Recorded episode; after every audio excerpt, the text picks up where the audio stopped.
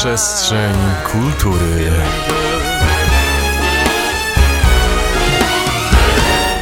Dobry wieczór z Radiem Meteor nie może zacząć się inaczej niż od przestrzeni kultury.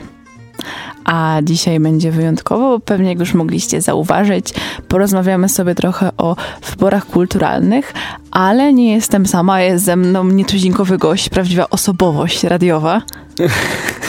Czy to już jest nietuzinkowość, e, to jest jeszcze kwestia sporna, ale Piotr Bojar, witam was bardzo serdecznie. Tak, i razem z Piotrem zagłębimy się w odmęty kultury i popkultury, żeby poszukać odpowiedzi na pytanie, czy kulturalne wybory istnieją i czym są, ale też nie zabraknie takiego szybkiego, e, szybkiej podróży wehikułem czasu do tego, co dzisiaj e, wydarzyło się w minionych latach, czy też stuleciach, także zostańcie z nami. Nie ma nas, nie ma nas, nie ma nas. Tak na pewno nie zaśpiewałyby e, osoby, persony, osobowości kinowe, o których zaraz wam opowiem, bo zrobimy sobie taki krótki właśnie segment wehikułu czasu, ponieważ mamy dzisiaj e, takie dwie wpadające na pewno w oko rocznice, o których ja bym chciała powiedzieć. I pierwszą e, poprzedzę dźwiękiem, takim urozmaiceniem, cytatem filmowym, bo do tego cytatu mam dla Was przygotowaną historię. You know how to whistle, don't you, Steve? You just put your lips together and blow. To była oczywiście e, Lauren Bacall i cytat z filmu Mieć i nie mieć, który miał swoją premierę równo nie teraz szybko ile lat temu, ale równo 11 października 1944 roku. Jest to film Howarda Hawksa na podstawie prozy Ernesta Hemingwaya. Sam film ja lubię, jest, y, jest całkiem myślę ciekawą, taką przyjemną propozycją, zwłaszcza na jesienny wieczór, ale ten y, film jest ciekawy nie ze względu na to, że po prostu jest filmem, jest dziełem kinematograficznym, ale ze względu na historię, jaka za tym filmem stoi. Ponieważ od tego cytatu, według legend i według hollywoodzkich e, historii, bajek, e, podań, Mówi się, że od tego właśnie cytatu rozpoczął się płomienny romans Lauren Bacall i 25 lat starszym od niej Humphrey Bogartem. Romans zaczął się właśnie na planie filmu, kiedy to Humphrey Bogart był już po dwóch niezbyt udanych małżeństwach. Jego trzecie właśnie się rozpadało. Było one też dosyć ciekawe i burzliwe. No i na planie właśnie Mieć i Nie Mieć poznał młodziutką, debiutującą dopiero na srebrnym ekranie Lauren Bacall. Urodziło się między nimi uczucie, z tego uczucia urodził się potem ślub, a ze ślubu urodziła się potem dwójka brzdący. No i też e, para była w sobie na tyle zakochana i w ogóle ten związek był na tyle w ogóle zgrany i taki można powiedzieć malowniczy, że Loren i Humphrey podróżowali wszędzie razem. Ona jeździła z nim na plany filmowe nawet do RPA, więc tutaj oni praktycznie się dosłownie nie rozstawali, a takich historii wydaje mi się, że jest mało na co dzień i w kulturze również. No niestety ten romans zakończył się krótko po tym, jak u Bogarta zdiagnozowano raka przełyku, ponieważ no niestety różnica wieku też dosyć spora między nimi była, to Lauren Bacall przeżyła Bogarta o 54 lata, ale też są takie, wiecie, legendy różnego rodzaju, e, co kto powiedział jako ostatnie swoje słowa. No i podobno Humphrey Bogart jako swoje ostatnie słowa powiedział właśnie do Lauren Bacall, żegnaj mała, wróć do mnie szybko. 54 lata, czy to szybko, czy to wolno, nie nam to oceniać. No a kolejną rocznicą, którą właśnie tutaj przygotowałam, jest rocznica singlu Imagine, który został wydany 11 października 1971 roku. No i taką też ciekawostkę przygotowałam dla Was o teledysku do, te, do tego utworu ponieważ chyba ten najbardziej znany teledysk, który pokazywany był w telewizji i który generalnie wyskakuje jako pierwszy, no to jest wiadomo, teledysk, y, jest tam John Lennon, jest Yoko Ono, ale powstał także drugi teledysk w 1987 i jest to teledysk autorstwa Zbigniewa Rybczyńskiego i on został nominowany do Złotej Palmy za najlepszy film krótkometrażowy, co w przypadku teledysków zdarza się dosyć rzadko, więc jeśli ktoś nie widział, to teraz ma chwilę, żeby sobie ten teledysk odświeżyć. Po z wehikułu czasu wysiadamy do współczesności. A jaki jest teraz najgorętszy temat? Obecnie Zależy na jaki temat chciałabyś ze mną porozmawiać, jeżeli chodzi o najgorętszy. Ja myślę, że najgorętszym tematem aktualnie w Polsce mimo wszystko są Wybory. wybory parlamentarne, Tak więc e, sobie trochę o nich porozmawiamy, ale nie do końca w takim formacie e, klasycznym, bo porozmawiamy sobie o wyborach, ale kulturalnie, tak jak już też zapowiedzieliśmy na początku. No bo też to nie jest tylko temat takiej odpowiedzialności społecznej, ale też temat kulturalny, bo wybory każdy z nas podejmuje Codziennie. codziennie. I to są też nawet te kulturalne, na przykład czy kino, czy teatr, Mhm. czy książka, czy może serial. Czy komedia, czy sensacja? Dokładnie, więc tych wyborów w świecie, nawet kultury, jest całkiem sporo i całkiem sporo ich na co dzień podejmujemy. Mhm. No bo wybory to nie tylko te wybory parlamentarne, ale to taka, taki dualizm. Zawsze trzeba wybrać między czymś a czymś. Nie można mieć jednego i drugiego. Nie można mieć ciastka i zjeść ciastka. A zawsze można upiec dwa.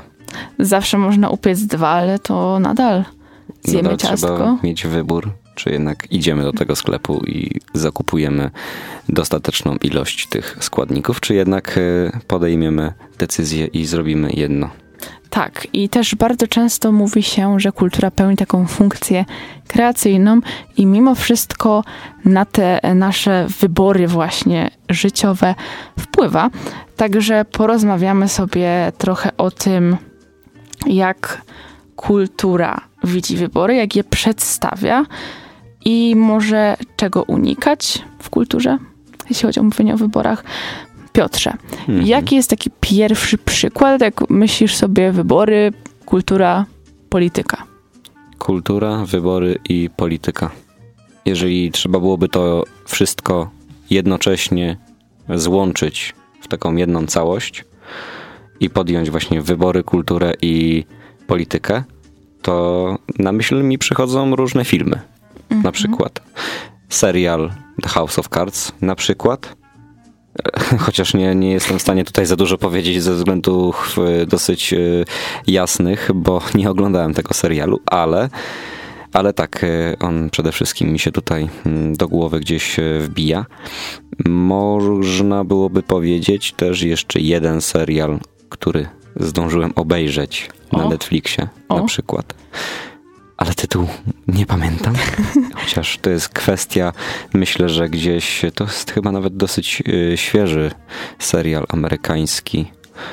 No cóż, y, na przerwie zrobię sobie mały research i Tak. odtworzę to, co ja wtedy oglądałem, ale generalnie polecam ten y, serial. Ten Fajnie. serial, e, którego nazwy nie zdradzimy, Tak, to taki, taki woal tajemnicy. To ja Mhm. myślę, że Piotr potrzebuje chwili, żeby sobie to przypomnieć, a wy możecie wykorzystać też tę chwilę i na przykład na Instagramie albo na Facebooku podzielić się z nami tym, jakie wam dzieła kultury albo jakie seriale, filmy, książki, tutaj wybór jest szeroki, kojarzą się właśnie z taką tematyką funkcji kreacyjnej kultury, jeśli chodzi o to takie życie społeczno-polityczne. Wracamy do naszego tematu przewodniego, czyli polityka, wybór i kultura. I właśnie korzystając z tej przerwy, dowiedziałem się, jak nazywał się ten serial, który oglądałem niedawno, a nawet okazało się, że oglądałem dwa seriale w międzyczasie, również y, z polityką w tle. Pierwszy, o którym mówiłem wcześniej, to jest Nocny Agent. To jest stosunkowo nowy serial na Netflixie, o którym, y, który możecie sobie obejrzeć y, wszyscy użytkownicy właśnie konta Netflix, do czego serdecznie zachęcam. Serial, poleg- y, serial powiada o losach pewnego tak zwanego nocnego agenta, który ma zawsze w nocy od godziny około chyba i dziesiątej swoją nocną zmianę na telefonie, gdzie w międzyczasie pisze jakiś tam raport. I pewnego dnia, pierwszy raz od długiego czasu, zostało na, mm, powiedzmy, przekierowana rozmowa właśnie na ten telefon, i wówczas rozpoczyna się główna fabuła serialu. Nie będę tutaj za dużo też, powiedzmy, szczegółów zdradzać, e, co i jak i gdzie, ale ten wstęp mogę jeszcze Wam opowiedzieć, że dzwoni do tego agenta pewna kobieta, która jest świadkiem morderstwa u siebie w domu. Jej dosyć bardzo bliska rodzina, możliwe nawet, że jedyna zostaje brutalnie zamordowana. Ona cudem uchodzi z życiem i właśnie dzwoni pod ten numer, który dostała w ostatniej chwili od swojej ciotki. później zaczyna się fabuła i jest ona dosyć mocno naszprycowana właśnie tym politycznym aspektem ze względu na to, że w grę wchodzi Biały Dom, wchodzi jakiś Departament Sprawiedliwości, Departament y, właśnie związany również z aktywami państwowymi. Nie pamiętam jak on się nazywa tam na realia amerykańskie, ale jest coś takiego, że potem jest taka powiedzmy walka o władzę. Tu jest bardzo, można byłoby powiedzieć, bardzo przemyślane ruchy oraz całkiem nieźle przemyślana fabuła.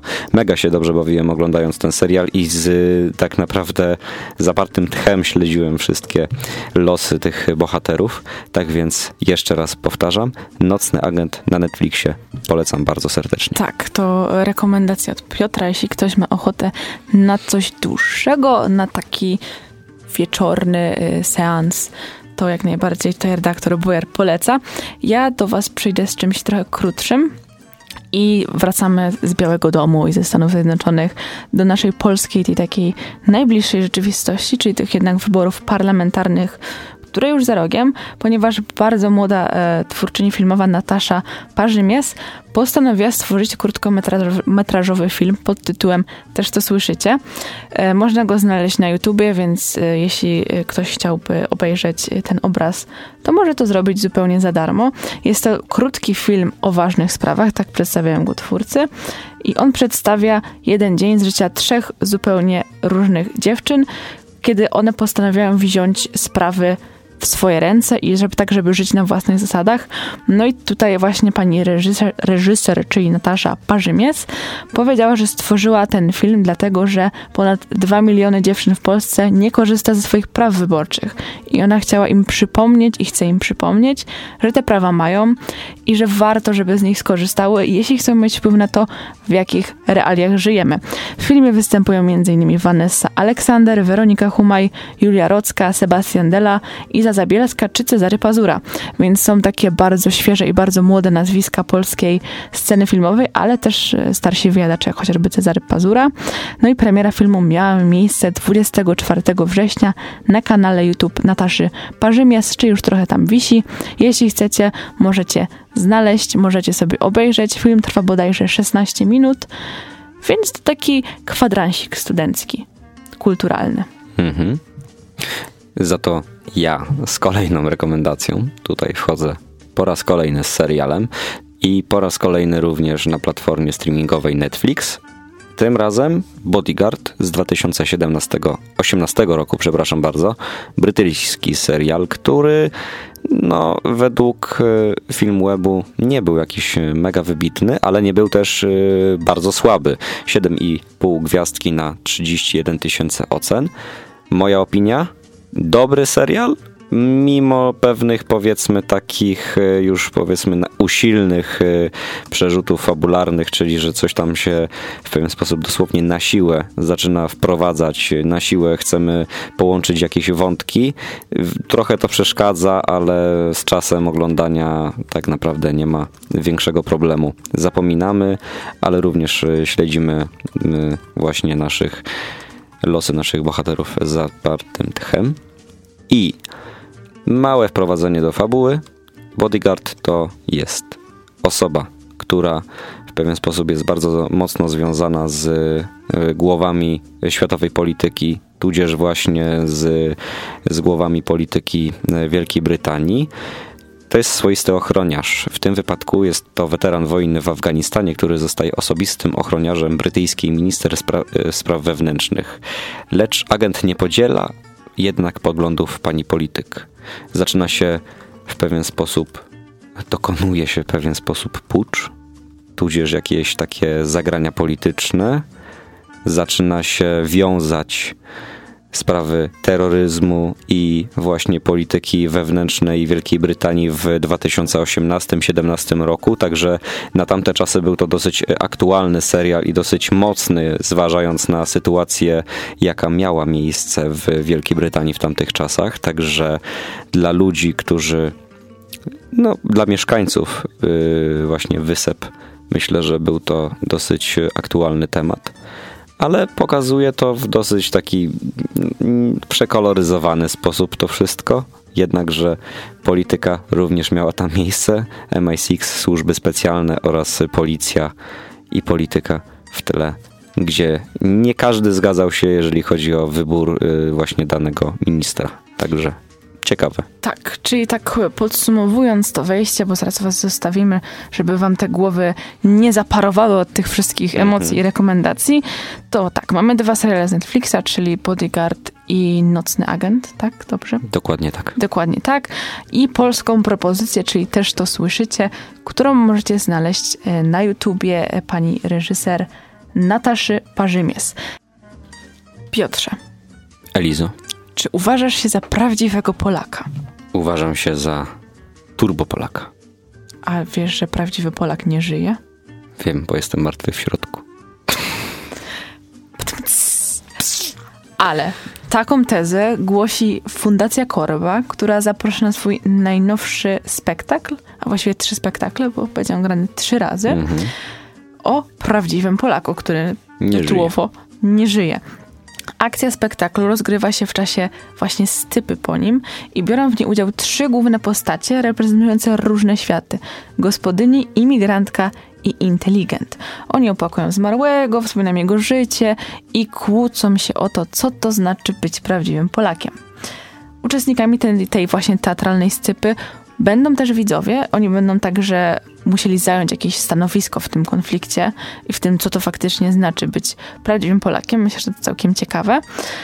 I w całym spektaklu wystąpią Ewa Rufo jako imigrantka, Justyna Tomczak-Boczko jako gospodyni i Bartosz Żurawiecki jako inteligent. Bartosz Żurawiecki też e, stworzył scenariusz do całego spektaklu, a za reżyserię odpowiadają właśnie gospodyni i imigrantka, więc praktycznie całkowicie self-made spektakl. Całość będzie trwała 60 minut, potem odbędzie się rozmowa z twórcami. No i wiekowo ten spektakl kierowany jest do widzów powyżej 16 roku życia. I co jest również ciekawe, pie- pierwszy nie screening, bo to nie film, ale pierwsza taka premiera i pokaz tego właśnie spektaklu odbędzie się 14 października, czyli już w sobotę w domu tramwajarza, a konkretnie w Pangarze. W Panugarze? W pangarze. Panga- Mhm. w Pangarze. I tam e, możecie sobie zarezerwować miejsca poprzez mail do, kon- na, poprzez mail do kontakt małpa fundacjakorba.pl no i podobnie jest z postami dwoma, które już są w trochę bardziej tropikalnych, można powiedzieć, lokalizacjach, bo 24 października spektakl będzie grany w ceglarni w Jarosławkach, a w, w 27 października, czyli trzy dni później, w Obornickim Ośrodku Kultury na wszystkie wydarzenia wstęp jest wolny, finansowany ze środków budżetu samorządu województwa wielkopolskiego i obowiązuje na nie rezerwacja miejsc. Idziemy? Ja bym się przeszła. No, to idziemy. Nie wykosztujemy się, No. bo bilety y, są za darmo.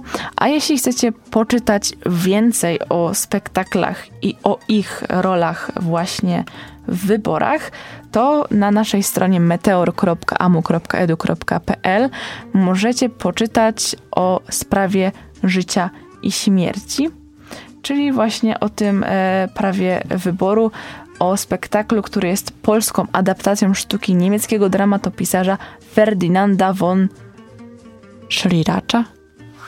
Siracz. To właśnie nie wiem, jak to przeczytać. Także wiecie, ja teraz pójdę e, na korepetycje szybkie z języka niemieckiego. Was odsyłam na naszą stronę właśnie na meteoramu.edu.pl do artykułu Piotra Tymczaka Prawo wyboru, czyli sprawa życia i śmierci. Także zasuwajcie, a my zaraz do was wrócimy. Witamy już po przerwie. Witam, witam i o wybory pytam. A na wybory dobre są filmy. Ale też również trzeba będzie wybrać e, jeden z tych filmów, który wam teraz przedstawimy. A co my mamy teraz na e, naszym bębnie, Na naszym bębnie mamy który będziemy właśnie- losowali? maszyna blokada się zwolniła, no to pierwszy z brzegu taki film, który przychodzi na myśl, kiedy mówimy o kinie politycznym i takim kinie o polityce, to są to na pewno gracze Ryszarda Bugajskiego, czyli film z 1995 roku o kampanii Lecha Wałęsy i perypetiach. To jest, myślę, że dosyć ciekawa propozycja i taka nie do końca oczywista. Hmm. A ja myślałem o takiej bardziej satyrze. Ja jestem generalnie człowiekiem, który lubi satyrę. Myślałam, że powiesz, że jesteś satyrem. Może. Broda, broda się zgadza, broda się zgadza. Broda by się zgadzała. Y, Kino satyryczne to dla mnie jedno z tych takich lepszych, więc y, oczywiście komedie jakieś tam, gdzie można byłoby się pośmiać, ale również sensacyjne. W tym wypadku wyborcze jaja.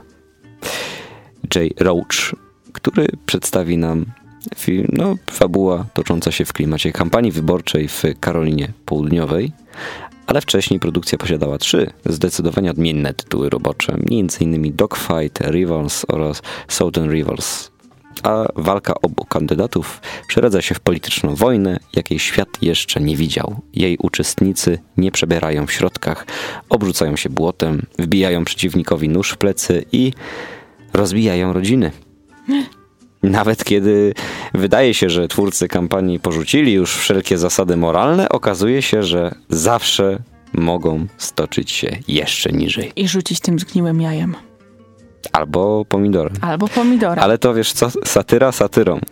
Ale to idealnie pokazuje realia, jak wygląda polityka w tak, rzeczywistości. czyli scena to jest polityczna. naprawdę bolesne. Tak, a jeszcze taką jedną propozycję, którą mamy dla was przygotowaną, to propozycja dosyć świeża, bo to film Reality, który też jest w klimacie afery wyborczej, ale to takie kino dokumentalne, bo opowiada prawdziwą historię, taką reality, historię o reality winner, która po skończeniu kariery, kariery wojskowej pracuje jako tłumaczka w biurze bezpieczeństwa, no i ona na własną rękę próbuje rozwikłać sprawę nieprawidłowości, które miały miejsce w wyborach prezydenckich w USA z 2016 roku i za to trafia na ponad 5 lat do więzienia, na ponad 5 lat zostaje skazana.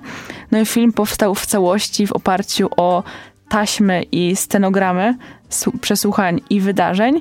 No i to jest jeden do jeden jakby opis tego samego zatrzymania i przesłuchania i tak samo jeśli chodzi o przedstawienie fabularne, jak i o czas trwania.